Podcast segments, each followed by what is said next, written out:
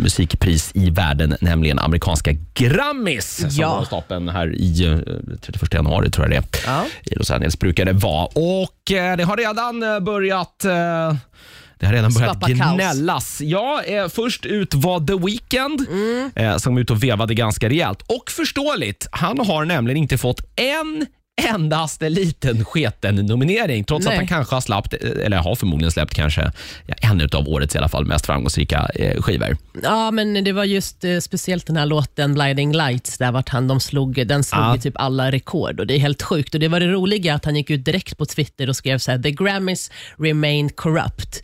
You owe me, you owe my fans and the industry transparency.” Ja, eh, så vi får se. Det är helt sjukt. Ja, han, det är eh, helt sjukt. Han är eh, upprörd och förståeligt, Ja. eh, förståeligt någonstans ändå. Eh, sen eh, så är också Justin Bieber har sen också gått ut och Mm. är pissed off. Han är dock inte pissed off för att han inte har fått nomineringar, Nej. för det har han. Ja. Han är däremot arg för att han har blivit nominerad i fel kategori.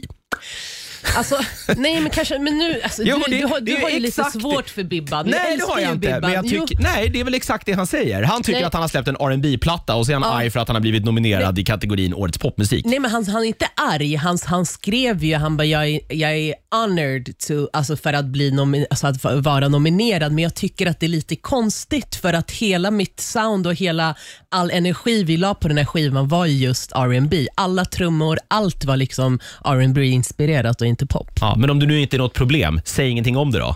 Ja, men, Ja, man men det är måste- lite så. man Det blir, måste det, ju- blir, det blir ju larvigt då när han t- själv säger att så här, nej, jag har egentligen inget problem med det, men. Alltså, Mm. Ja, men jag då tror har han ju ett också- problem med det. Nej, men jag tror också att han vill liksom, äm, äh, lägga liksom så här markering efter liksom The Weeknd och hela grejen. Men k- kolla nu, det sitter ju typ så här 100 gamla gubbar som är typ 80 år gamla i hela Ja, den det där vet jag inte riktigt styrelsen. om det är så Jo, kanske. men det brukar typ det är väl vara så. musikindustrin själva. Det är väl en det- rad det är av inte- journalister det är och allt inte möjligt. schysst. Det funkar väl som Oscarsgalan ungefär. Jag kan däremot. Mm. så att i Justin Bieber har jag inget som helst, så här, det, den är så här, ja, tråkigt för dig då, men jobbigt att du är framgångsrik och fick massa nomineringar.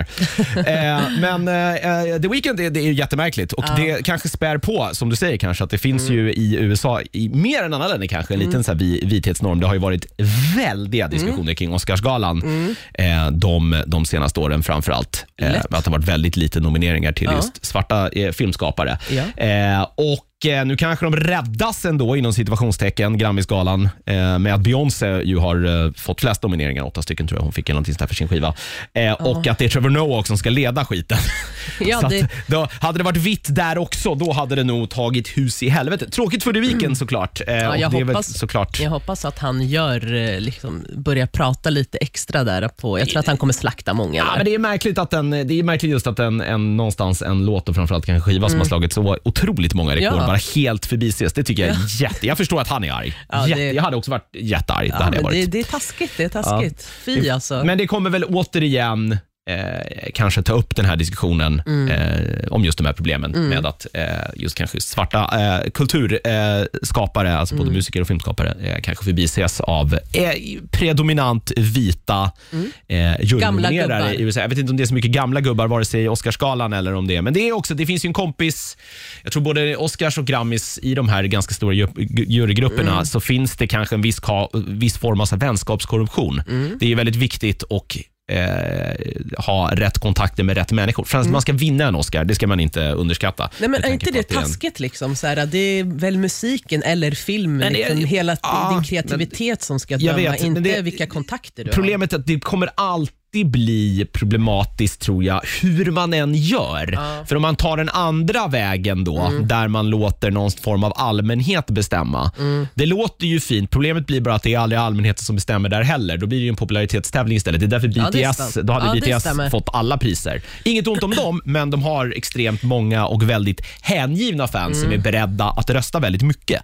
Mm. Ja. Eh, och det, det finns liksom inget riktigt perfekt system. Jag vet inte riktigt hur man ska lösa jag det här. tror att man ska göra det som de gör när man ska typ sitta i domstolen eller när man har någon rätt i USA. Då är det ju här jury by your peers, ja, så det är här. så här random människor som sitter och bestämmer och det, det tycker jag att man ska Vi tar göra. in liksom 12 pers som bara får bestämma. De Ja. sitter och lyssnar på alla låtarna och sen får, kommer de ut och bara... Ja, men du vet att här- de liksom, ingen pratar med dem, de får välja själv, lyssna igenom alla låtar och gå du vet, på det sättet. Ja, att Inte det också, det- jurygruppen är, representerar alla typer av, av, eh, av olika människor som finns i samhället också. Ja, och sen fattar jag, så Beyoncé, jag tycker också, f- fine hon är ju liksom the queen of the queen, men Mm. alltså Alltså det senaste, alltså hon har ju, alltså den har Ja, ju jag inte blivit inte, nej, den har kanske inte rönt superstora Nej, framgångar här i Sverige. Men jag vet, inte hur det, jag vet inte hur det är i USA eh, heller. Men jag tror grejen Musikmarknaden är bara det är bara liksom hon och Jay-Z är ju de största, så då, ja, ja, som sagt, allt är korrupt tycker jag. Jo, men det finns ju alltid, Mm. viss form av vänskapskommunikation tror jag alltid kommer finnas i den här typen utav. Jag menar, det, det är ju en det är ju en liten bransch och alla känner alla någonstans. Liksom. Så kommer alla galashower. Även vår egen radiogala funkar kanske till viss, Är till viss mån så mycket. Men det är, Ja, så är det väl kanske. alltid. Liksom. Ja, Man ska ja. få Men är nomineringar och det gäller att känna rätt människor. Och det, det, det är så det funkar.